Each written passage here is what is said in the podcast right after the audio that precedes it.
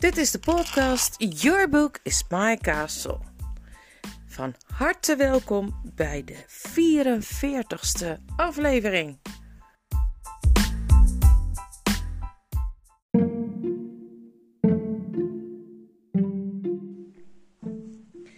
Hekserij en hulp in nood. Intussen kwamen Trompoen en de twee jongens bij het donkere stenen poortje dat de heuvel inleidde, en twee dassen die daar de wacht hielden. De witte vlekken opzij van hun kop waren het enige dat Edmund van hen kon zien, sprongen met ontblote tanden op en vroegen met een dreigend gegrom: Wie is daar?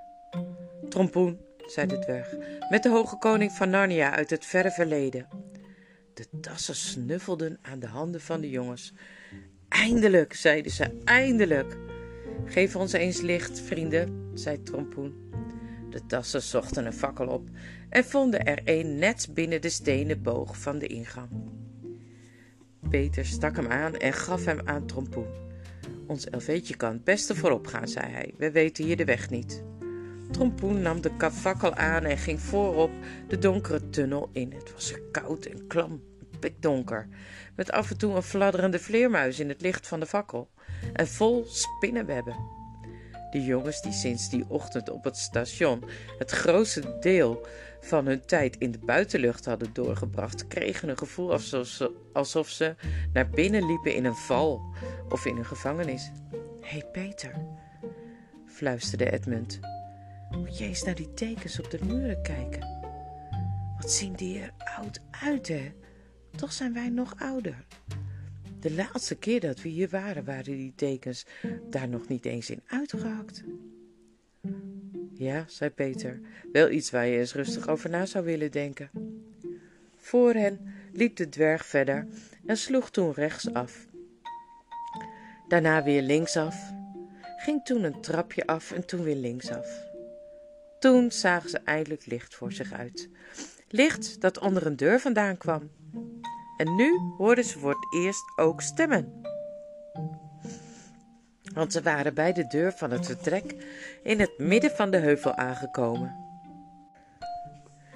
De stemmen die ze daarbinnen hoorden klonken boos. Er was iemand die zo hard aan het praten was dat ze daar binnen de jongens en de dwerg niet hadden horen aankomen. Dat klinkt niet best, fluisterde Trompoen tegen Peter. Laten we eerst maar eens even luisteren. Ze bleven alle drie doodstil, voor de deur staan. Je weet best, zei een stem. Dat is de koning, fluisterde Trompoen. Waarom we die ochtend niet meteen bij zonsopgang op de hoorn geblazen hebben. Of weet je soms niet meer dat Miras toen, nog bijna voordat Trompoen weg was, een overval op ons kwam doen en dat we drie uur of nog langer hebben moeten vechten voor ons leven? Ik heb geblazen zodra ik maar even tijd kreeg om adem te halen. Dat zal ik vast niet gauw vergeten, kwam de boze stem weer. Want mijn dwergen moesten de zwaarste klappen opvangen bij die aanval. En één op de vijf dwergen is toen gevallen. Dat is Nikabrik, fluisterde Trompoen. Foei, dwerg, schaam je, klonk een trage stem. Truffeljager, zei Trompoen. Wij hebben net allemaal net zoveel gedaan als de dwergen, en niemand heeft meer gedaan dan de koning. Dat verhaal kan iedereen net vertellen zoals hij zelf wil, wat mij betreft, antwoordde Nikabrek. Maar of het nu komt doordat er te laat op de hoorn geblazen is, of doordat er geen toverkracht in dat ding zit, hulp is er niet komen opdagen.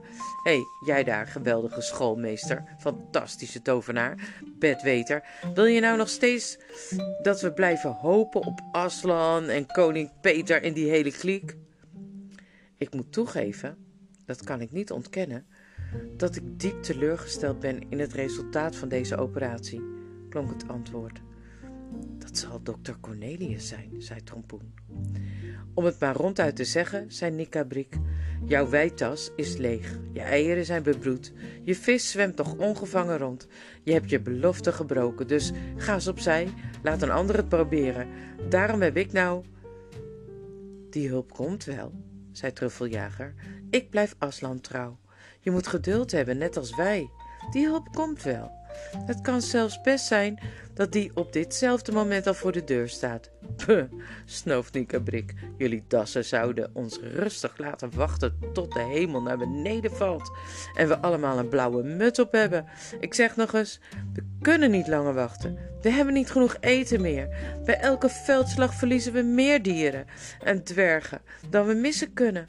Onze volgelingen beginnen er al stiekem vandoor te gaan. En waarom? Vroeg Truffeljager. Zal ik je eens vertellen waarom? Omdat de geruchten de ronde doen dat we ons hebben beroepen op de koningen van Weleer en dat die koningen van Weleer geen antwoord hebben gegeven.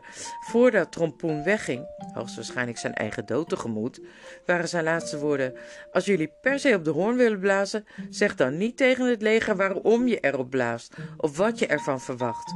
Maar nog diezelfde avond leek het wel alsof iedereen het wist. Je kon beter die gouden snuit van je in een wespennest steken.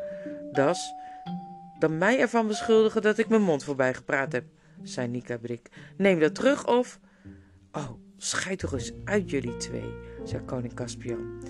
Ik wil weten wat het, wat het is waar Nika Brik nu de hele tijd omheen draait.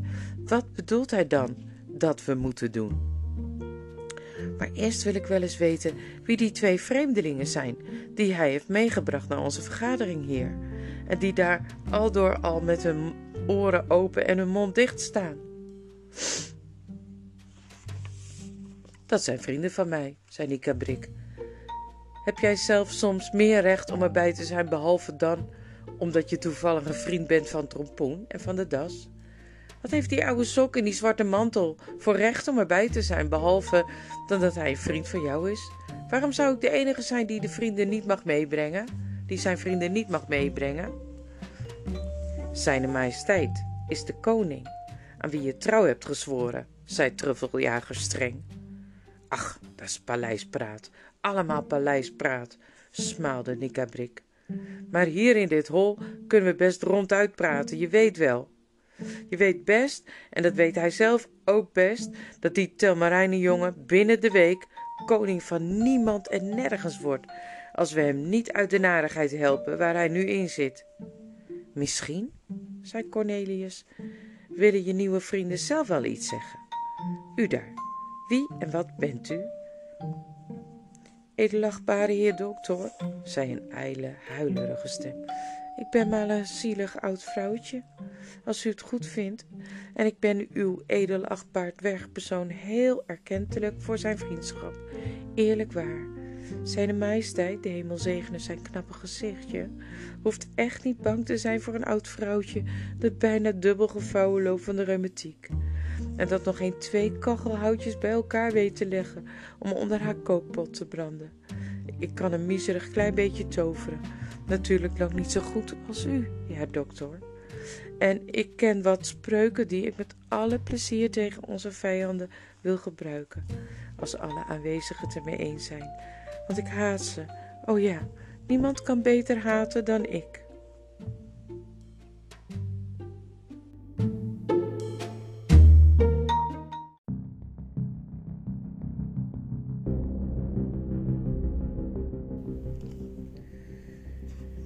Dat is allemaal hoogst interessant en uh, duidelijk, zei dokter Cornelius.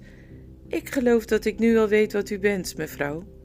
Nika Brik, misschien zou je een andere vriend iets over zichzelf. Zou je andere vriend misschien iets over zichzelf willen vertellen? Een sombere, grauwe stem, waar Peter kippenvel van kreeg, antwoordde: Ik ben de honger. Ik ben de dorst. Als ik bijt, hou ik vast tot ik sterf. En zelfs als ik dood ben, moeten ze de hap die ik tussen mijn tanden heb nog uit het lijf van mijn vijand lossnijden en met mij begraven. Ik kan honderden jaar zonder eten en toch niet doodgaan. Ik kan honderden nachten op het ijs liggen en niet bevriezen. Ik kan sloten bloed drinken zonder te barsten. Laat me je vijanden maar eens zien. En waar die twee bij zijn, wil jij ons je plan voorleggen? zei Caspian. Ja, zei Nika Brik, en met hun hulp ben ik van plan het uit te voeren. een minuut of wat hoorden Trompoen en de jongens hoe Caspian en zijn twee vrienden zacht met elkaar praten. Maar ze konden niet verstaan wat ze tegen elkaar zeiden. Toen sprak Caspian weer hardop. Nou, Nika Brik, zei hij, laat je plan maar horen. Eerst viel er zo'n lange stilte dat de jongens zich begonnen af te vragen of Nika Brik ooit nog wel zou beginnen. En toen hij begon, praatte hij veel zachter, alsof hij zich schaamde voor wat hij te zeggen had. Na alles wat er gebeurd is, mompelde hij, weten we nog steeds geen van allen wat er nou precies de waarheid is over de oude tijden van Narnia. Trompoen geloofde niet in die oude verhalen. Ik was bereid om het ermee te proberen. Eerst hebben we de hoorn geprobeerd en dat is mislukt. Als er ooit een hoge koning Peter en koningin Susanne en koning Edmund en koning Lucie mochten hebben bestaan, dan hebben ze ons niet gehoord of ze kunnen niet komen, of ze zijn onze vijanden, of, of ze zijn onderweg voegde Truffeljager eraan toe. Dat kun je wel net zo lang blijven zeggen totdat Miras ons allemaal aan zijn honden heeft gevoerd. Zoals ik dus al zei, we hebben nu één schakeltje in de ketting van oude legende uitgeprobeerd. Het heeft niks opgeleverd. Nou ja, maar als je zwaard breekt, dan trek je je dolk. De verhalen vertellen nog over andere machten dan de koningen en koninginnen van weleer. Als we die nou eens vroegen. Als je Aslan bedoelt, zei Truffeljager, dat is hetzelfde of je hem oproept of de koningen. Zij waren zijn dienaren. Als hij hen niet wil sturen, maar ik twijfel er niet aan dat hij dat doen zal, denk je dan dat hij zelf wel zou komen? Nee, daar heb je gelijk in, zei Nikabrik. Aslan en de koningen horen bij elkaar, of Aslan is dood, of hij staat niet aan onze kant. Of anders is er iets anders sterker dan hij, dat hem tegenhoudt. En als hij toch mocht komen, hoe weten we dan of hij als vriend komt? Volgens de verhalen is hij voor dwergen niet altijd zo'n goede vriend geweest. Zelfs niet voor alle dieren. Vraag maar aan de wolven. En trouwens, voor zover ik weet, is hij maar één keer in Narnia geweest. En dan nog niet eens lang. Met Aslan hoef je geen rekening te houden. Ik dacht eigenlijk aan iemand anders. Er kwam geen antwoord. En een paar minuten was het zo stil dat Edmund de hijgende en snuffelende ademhaling van de das kon horen. Wat bedoel je? zei Caspian tenslotte. Caspian tenslotte. Ik bedoel een kracht die zoveel sterker is dan die van Aslan, dat Narnia er jaren en jarenlang door onder een betovering gehouden is, als de verhalen waar zijn. De witte tovenares, riep de drie stemmen tegelijk, en aan het geluid te horen kreeg Peter het idee dat de drie mensen waren opgesprongen. Ja, zei Nika Brik heel langzaam en duidelijk. Ik bedoel de tovenares. Ga maar gerust weer zitten. Jullie moeten niet meteen allemaal als een stel kleine kinderen in paniek raken bij zo'n naam. We hebben macht nodig. En we hebben een macht nodig die aan onze kant staat. En wat die macht betreft, de verhalen vertellen toch zelf dat de tovenares Aslan verslagen heeft. En vastgebonden dat ze hem heeft gedood op die steen die daar vlak buiten de legkring staat. Maar ze zeggen dat hij ook weer levend is geworden, zei de das scherp.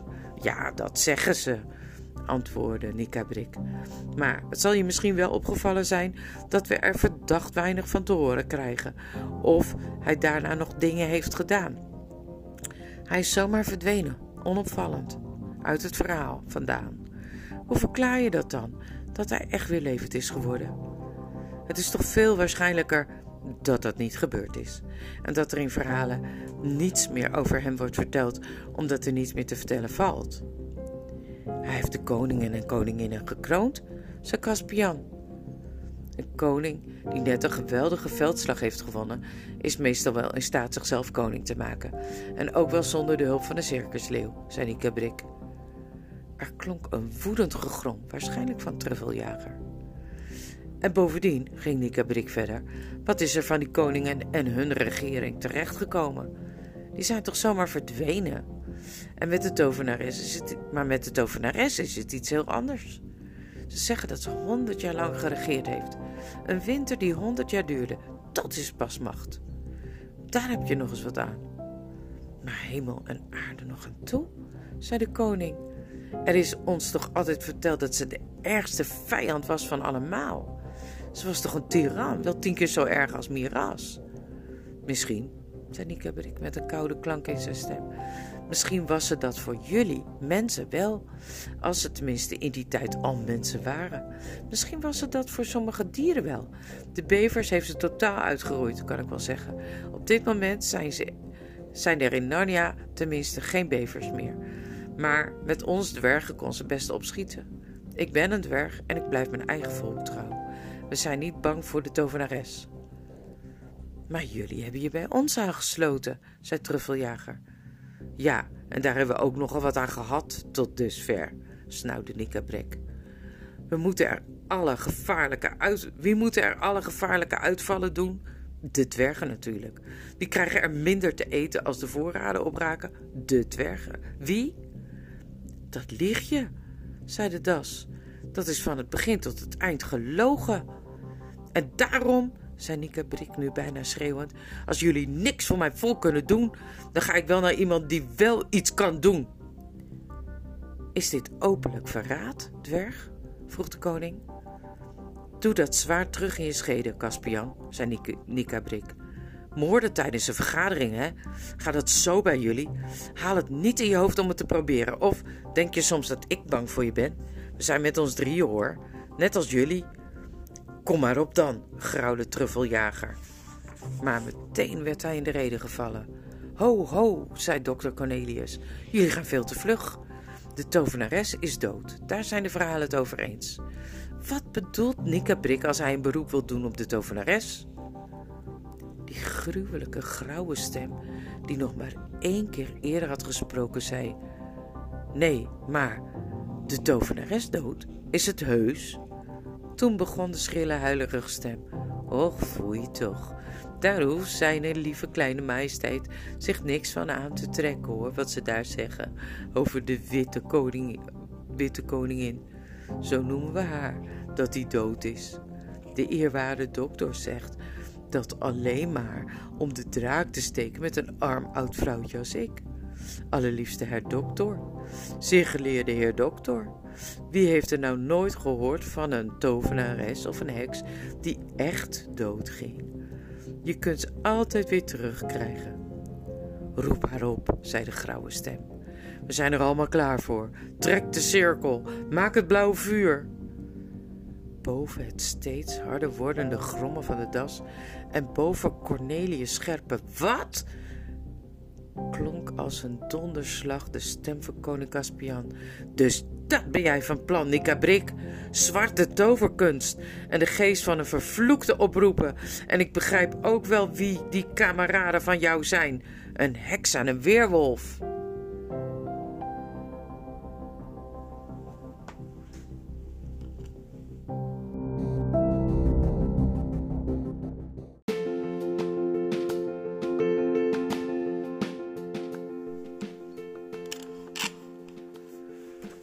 De die volgden waren erg verward.